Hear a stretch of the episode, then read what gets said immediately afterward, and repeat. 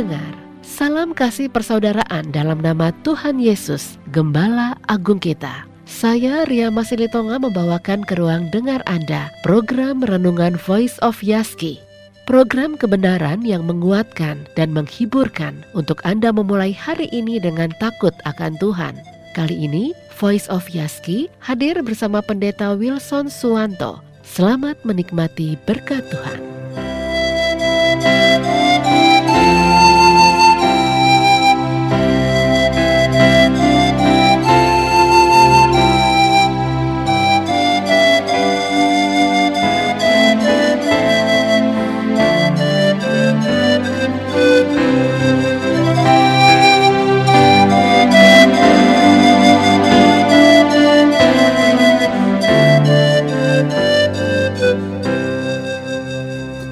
Yesus menjawab, "Ada tertulis, manusia hidup bukan dari roti saja, tetapi dari setiap firman yang keluar dari mulut Allah."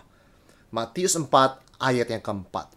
Ini adalah jawaban Yesus terhadap pencobaan iblis yang menyuruhnya mengubah batu menjadi roti. Saudara bayangkan Yesus ada di padang gurun selama 40 hari. Seorang diri di sana di tempat yang iklimnya tidak bersahabat dengan manusia. Dan 40 hari 40 malam tanpa makan. Pertanyaan kita, bagaimana Yesus bisa bertahan hidup? Pertanyaan ini adalah pertanyaan soal survival. Bagaimana seorang yang berada dalam lingkungan yang sangat-sangat tidak bersahabat kepada manusia bisa bertahan hidup? Jawabannya sangat simpel dan sangat-sangat basic, sangat mendasar. Tuhan yang memelihara. Yesus percaya kepada pemeliharaan Bapa di sorga. Saudara sekalian, tidak ada di antara kita yang berani kalau tanpa pimpinan Tuhan pergi ke padang gurun di tempat yang tandus, tempat yang iklimnya siang panas, malam dingin, lalu berani berpuasa selama 40 hari, 40 malam. Yesus taat kepada pimpinan Roh Kudus dan dia percaya kepada pemeliharaan Bapa di sorga.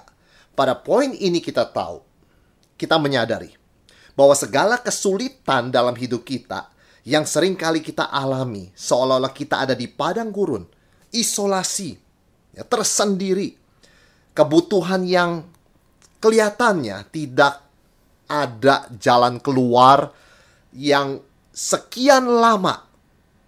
Tetapi kalau kita berada di situasi itu mengikuti pimpinan Tuhan, maka kita boleh bersama dengan Yesus Kristus percaya bahwa Tuhan memelihara.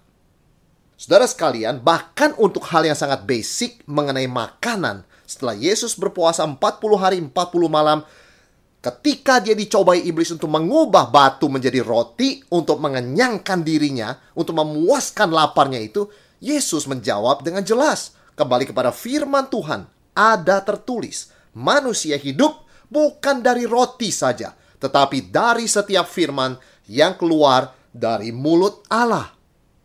Contoh yang sebaliknya, yang ekstrim. Saya teringat menonton sebuah film tentang Perang Dunia Kedua, ada seorang yang bekerja sebagai tentara Nazi dan dia melakukan hal-hal yang mengerikan terhadap orang Yahudi, terhadap uh, orang-orang minoritas.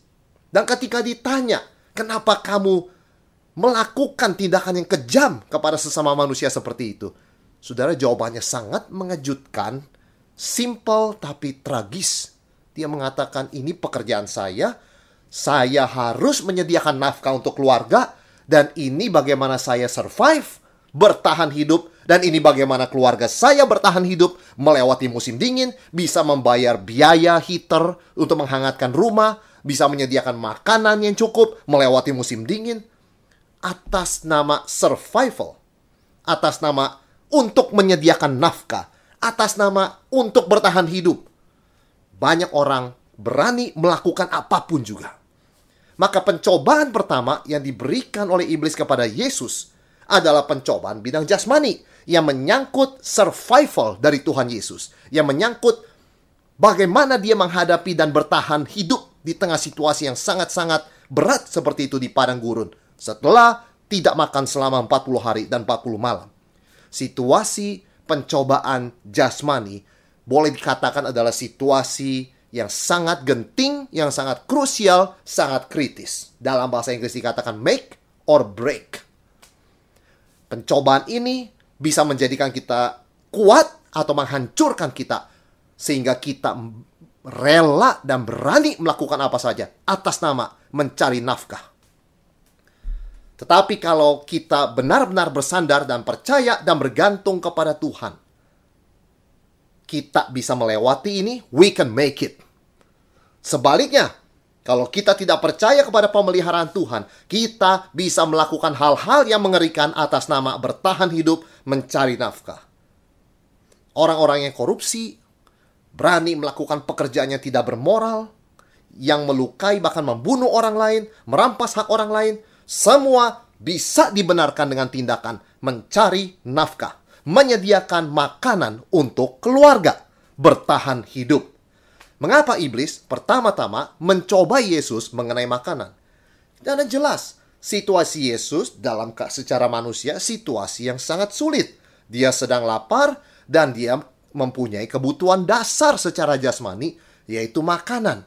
Tetapi kalau kita bertanya lebih mendalam sedikit, kalau cuma masalah makanan, kalau cuma mau menggoda Yesus, mencoba Yesus untuk makan sebelum waktunya, sementara dia masih berpuasa.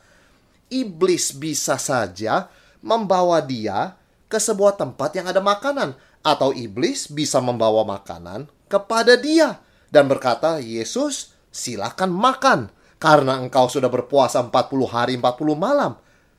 Itu juga sebuah pencobaan. Tetapi mengapa iblis malah menyuruh dan meminta Yesus untuk mengubah batu ini menjadi roti jadi pencobaan pertama ini lebih dari sekedar makanan. Ini adalah mengenai identitas Yesus.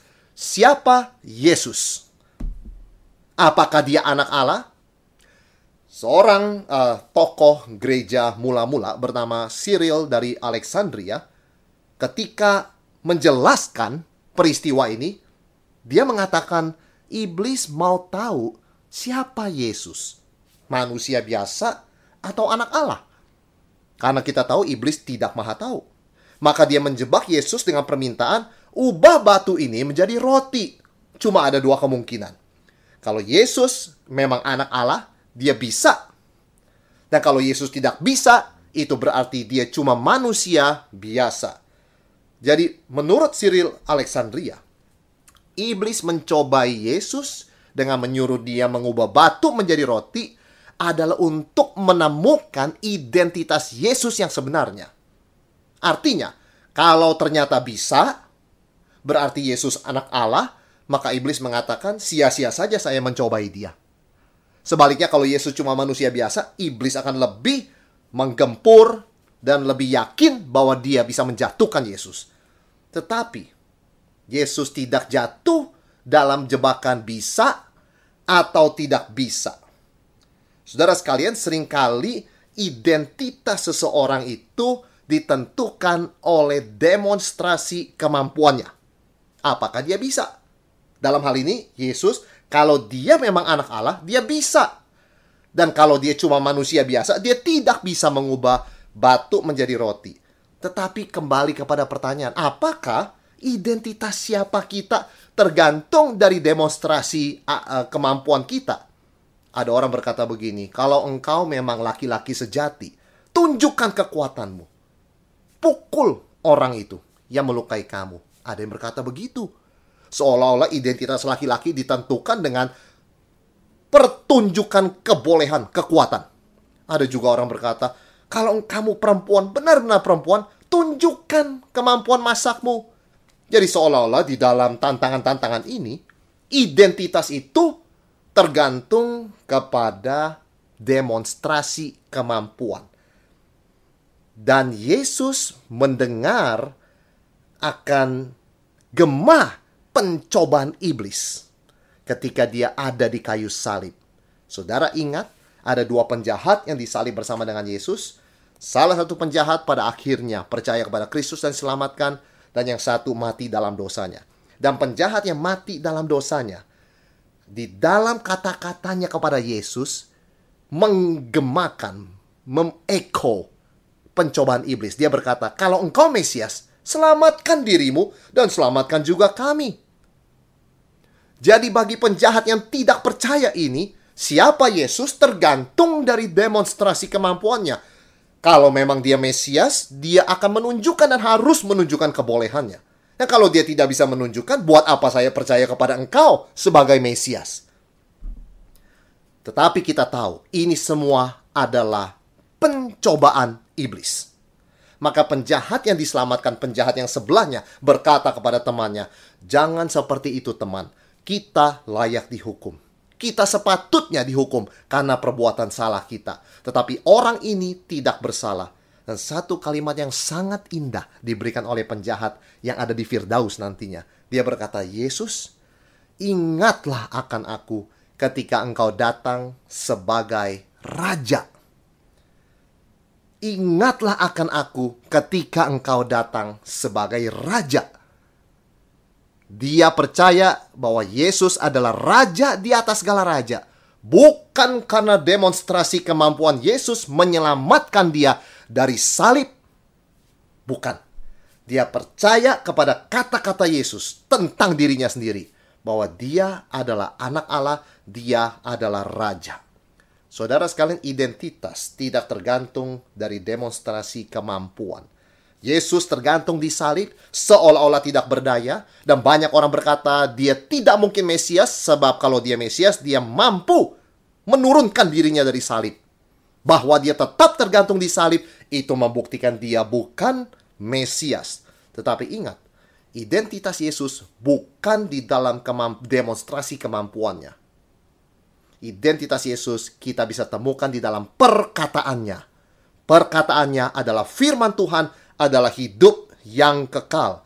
Maka kita tahu bahwa iman kita bukan bersandar kepada demonstrasi mujizat, bukan bersandar kepada demonstrasi kemampuan Tuhan menolong kita dari krisis saat itu kita mau juga, bukan. Tapi iman kita bersandar kepada perkataan Tuhan sendiri. Itulah pentingnya firman Tuhan. Pentingnya firman di atas segala-galanya. Maka Yesus berkata, manusia hidup bukan dari roti saja, tetapi dari setiap firman yang keluar dari mulut Allah. Di dalam jawaban Yesus ini yang mengutip firman Tuhan dari ulangan pasal 8, kita belajar beberapa hal yang sangat penting. Yang pertama, firman Tuhan bersifat absolut atau mutlak. Manusia buk hidup bukan dari roti saja. Yesus mengatakan roti penting. Tetapi roti tidak absolut atau mutlak. Penting bukan berarti absolut. Dibutuhkan bukan berarti segalanya. Kita tidak boleh menghalalkan semua cara hanya untuk sesuap nasi. Ada orang yang berani melakukan tindakannya melawan firman Tuhan, yang menimbulkan kerugian bagi sesamanya dengan alasan saya perlu makan. Saudara, tanpa makanan selama 40 hari, manusia tetap masih bisa hidup. Susah, lapar, menderita, tapi bisa hidup. Tetapi melalui perkataan Yesus kita belajar, tanpa firman satu hari saja, manusia sudah mati. Mengapa? Karena firman Tuhan adalah absolut. Firman Tuhan adalah kuasa Tuhan. Tanpa firman Tuhan, tidak ada kehidupan. Tanpa firman Tuhan tidak ada kuasa yang bisa menopang kehidupan kita. Maka dalam Ibrani 1 ayat 3 dikatakan Yesus atau ia menopang segala yang ada dengan firman-Nya yang penuh kekuasaannya. Dengan kata lain, dalam jawaban Yesus kepada serangan iblis, Yesus berkata seperti ini. Iblis, kamu salah. Kamu menganggap makanan segalanya. Firman Tuhan adalah segalanya. Itu artinya firman Tuhan bersifat absolut atau mutlak. Maka Kristus membedakan dua hal dalam jawabannya ini. Mana yang penting, mana yang tidak bisa tidak ada atau absolut atau mutlak. Banyak hal penting di dalam dunia ini. Makanan penting, keluarga penting, pendidikan penting. ha, tetapi hanya ada satu hal yang absolut atau mutlak di dalam dunia ini, yaitu firman Tuhan. Manusia bisa bertahan hidup sementara tanpa hal yang penting, tetapi manusia tidak bisa lewat satu detik, satu menit, satu hari pun tanpa firman Tuhan yang absolut itu. Martin Luther mengatakan, inilah bagaimana Kristus menang atas pencobaan ini. Ketika dia tidak melihat apa pun di padang gurun, tidak ada makanan, tidak ada orang lain, tidak ada bantuan apa pun, tidak ada sumber apa pun yang bisa meringankan penderitaannya. Dia hanya melihat batu-batuan. Di situlah dia memutuskan untuk mendekatkan diri dan berpegang kepada firman Tuhan. Dan di situlah dia dikuatkan oleh firman. Dan dengan firman itu, ia mengalahkan iblis.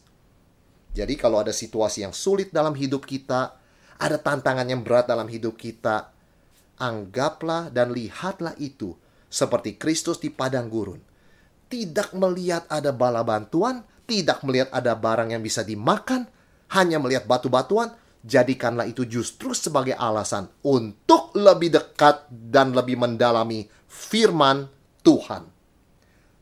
Khususnya ketika di sekitar kita, kita melihat tidak ada apa-apa dalam kekurangan dan kelaparan sekalipun, seorang Kristen tetap berani berkata bersama dengan Kristus, roti saja tidak cukup. Hidup lebih dari sekedar makanan. Tetapi kita hidup dari setiap firman yang keluar dari mulut Allah. Itu yang pertama. Yang kedua, di dalam perkataan Yesus kita menemukan firman Tuhan memberikan kepuasan sejati. Firman Tuhan absolut atau mutlak dan firman Tuhan memberikan kepuasan sejati. Manusia hidup bukan dari roti saja. Artinya ada peranan yang dimainkan oleh roti. Roti mengisi kehidupan manusia. Fill. Mengisi. Kita lapar, kita makan. Dan kita filled, kita kenyang. Karena roti atau makanan mengisi kebutuhan jasmani kita. Tetapi mengisi dengan memuaskan adalah dua hal yang berbeda. Mengisi adalah fill, Memuaskan adalah fulfill atau satisfy. Mengisi adalah fill, memuaskan adalah fulfill. Yesus mengutip ulangan 8 ayat yang ketiga. Kisah bangsa Israel. Ketika Yesus berkata manusia hidup bukan dari roti saja, tetapi dari setiap firman yang keluar dari mulut Allah, Yesus hendak mengatakan, roti mengisi hidupmu, tetapi firman memuaskan kamu. Karena dalam konteks aslinya yang dikutip oleh Yesus di ulangan pasal 8 ayat 3, ketika bangsa Israel lapar di padang gurun, mereka mengeluh kepada Tuhan, Tuhan berikan mana. Ketika mereka mengeluh hanya mana, mereka mau daging, Tuhan berikan daging. Tuhan berikan dan sediakan apa pun yang mereka perlukan, yang mereka minta, apa pun yang mereka komplain, Tuhan memenuhi itu. Tetapi apakah lalu roti, daging, dan segala yang Tuhan sediakan itu membuat mereka berhenti komplain? Apakah mereka menjadi happy people? Hanya karena kebutuhan mereka diisi? Tidak. Kebutuhan mereka diisi, but they're not happy. Tetapi mereka tidak puas, mereka tidak bahagia. Mengapa saudara sekalian? Karena mereka salah. Mereka berpikir manusia hidup dari roti saja. Yang lain-lain itu optional, yang lain-lain itu ekstra. Boleh ada, boleh tidak. Roti memang memenuhi atau fill kebutuhan kita. Tetapi roti tidak mungkin fulfill atau memuaskan kita. Untuk kepuasan hidup yang sejati, kita harus mencari sesuatu yang lebih dari sekedar roti, yaitu firman Tuhan. Dan ketika kita belajar prinsip ini, kita menyadari bahwa dalam kesulitan hidup, ingat, memang kita memerlukan solusi bagi setiap problem. Solusi itu mengisi hidup kita, sehingga kita boleh keluar dari problem ini. Tetapi ingat, solusi tidak memberikan kepuasan. Kepuasan tetap datang hanya dari firman Tuhan. Maka di dalam kesulitan, seperti apa pun, sambil berdoa untuk solusi, Tuhan buka jalan, kita tetap mendekatkan diri dan berpaling kepada firman Tuhan. Karena yang absolut tidak bisa digantikan oleh yang penting dan yang memuaskan tidak bisa digantikan oleh yang mengisi kebutuhan sementara saja. Itu sebabnya di dalam kutipan aslinya yang Yesus kutip di dalam ulangan 8 ayat yang ketiga secara komplit bunyinya seperti ini. Jadi ia, yaitu Tuhan, merendahkan hatimu, membiarkan kau lapar, dan memberi engkau makan mana yang tidak kau kenal, dan yang juga tidak dikenal oleh nenek moyangmu, untuk membuat engkau mengerti bahwa manusia hidup bukan dari roti saja, tetapi manusia hidup dari segala yang diucapkan Tuhan.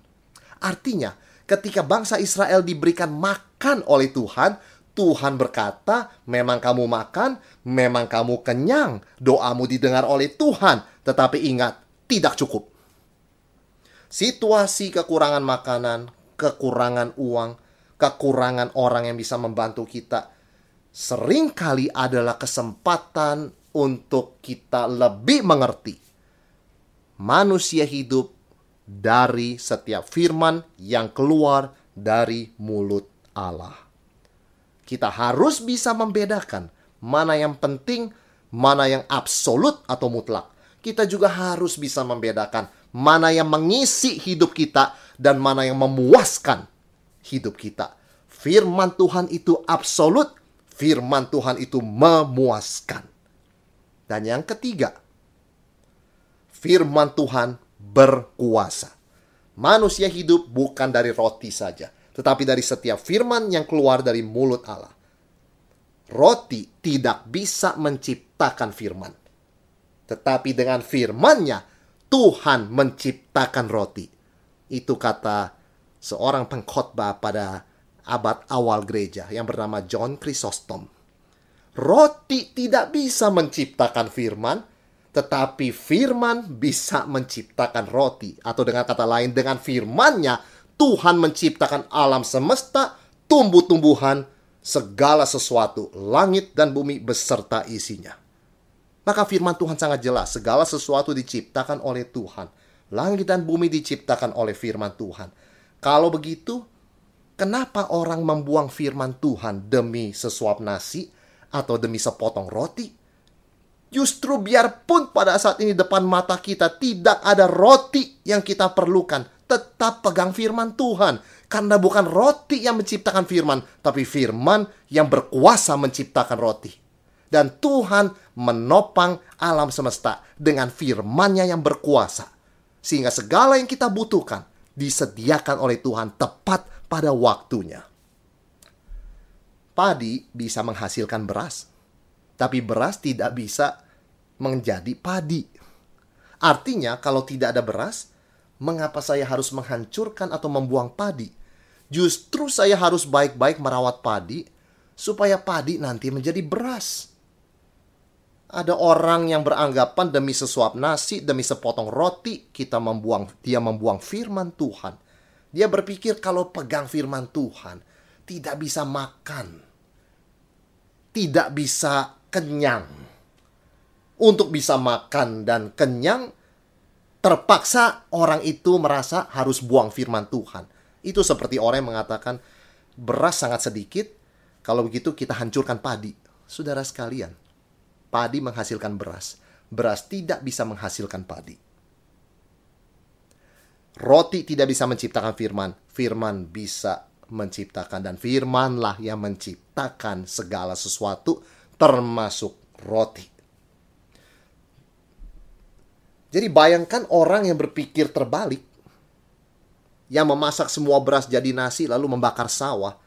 Kan dia sedang menuju bahaya kelaparan dan kehancuran. Dan itulah yang banyak orang lakukan dan yang mungkin kita juga lakukan.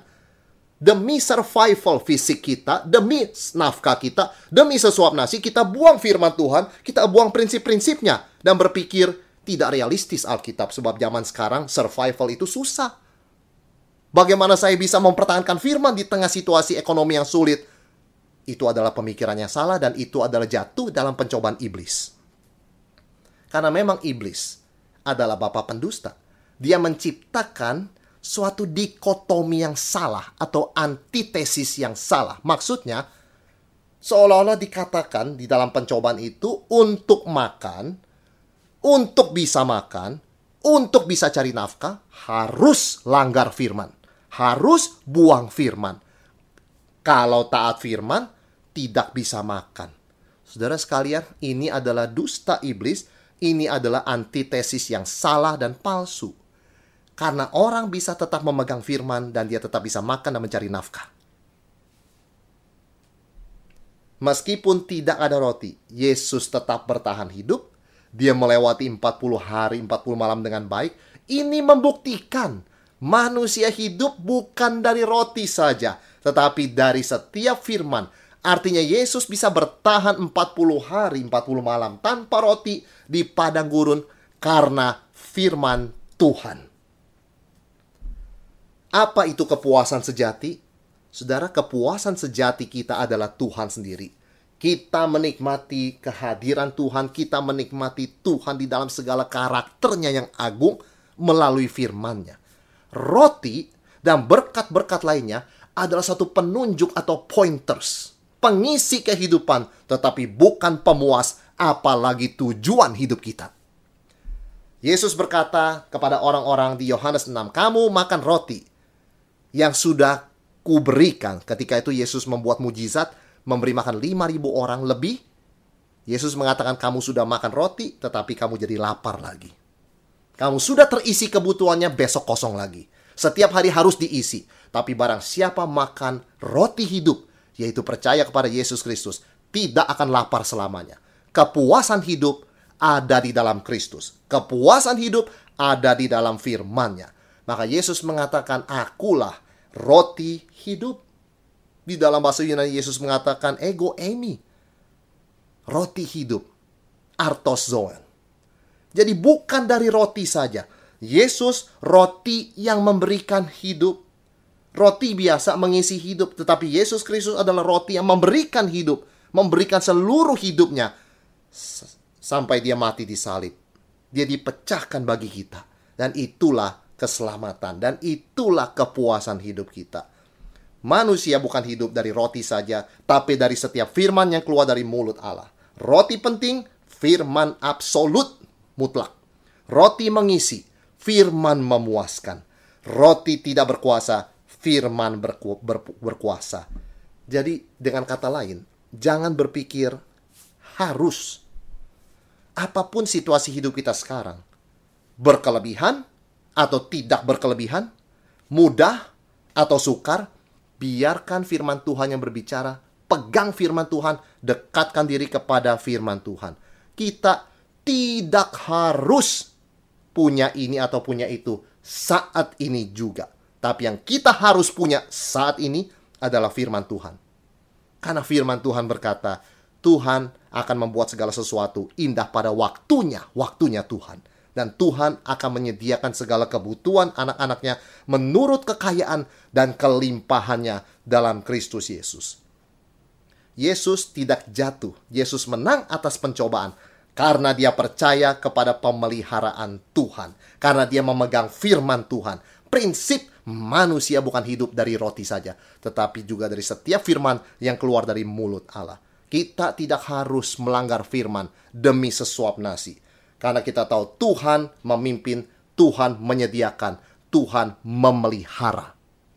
Segala berkat Tuhan dalam hidup kita adalah berkat sekunder. Berkat primer, berkat utama adalah firman Allah. Firman yang menjelma menjadi manusia, Yesus Kristus sendiri.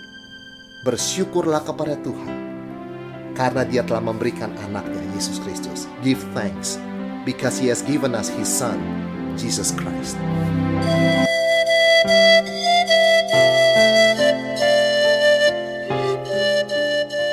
Pendengar, demikian tadi program Renungan Voice of Yaski. Program kebenaran yang menguatkan dan menghiburkan untuk Anda memulai hari ini dengan takut akan Tuhan. Bagi Anda yang membutuhkan informasi lebih lanjut mengenai kegiatan Yayasan Yaski, dapat menghubungi nomor telepon 021 594 94223. Sekali lagi 021 594 94223. Atau bagi Anda yang ingin mendukung pendanaan pelayanan Yayasan Yaski, kirimkan donasi Anda melalui nomor rekening BCA 372 301 6262 atas nama Yayasan Yaski. Sampai jumpa esok hari, Tuhan Yesus memberkati.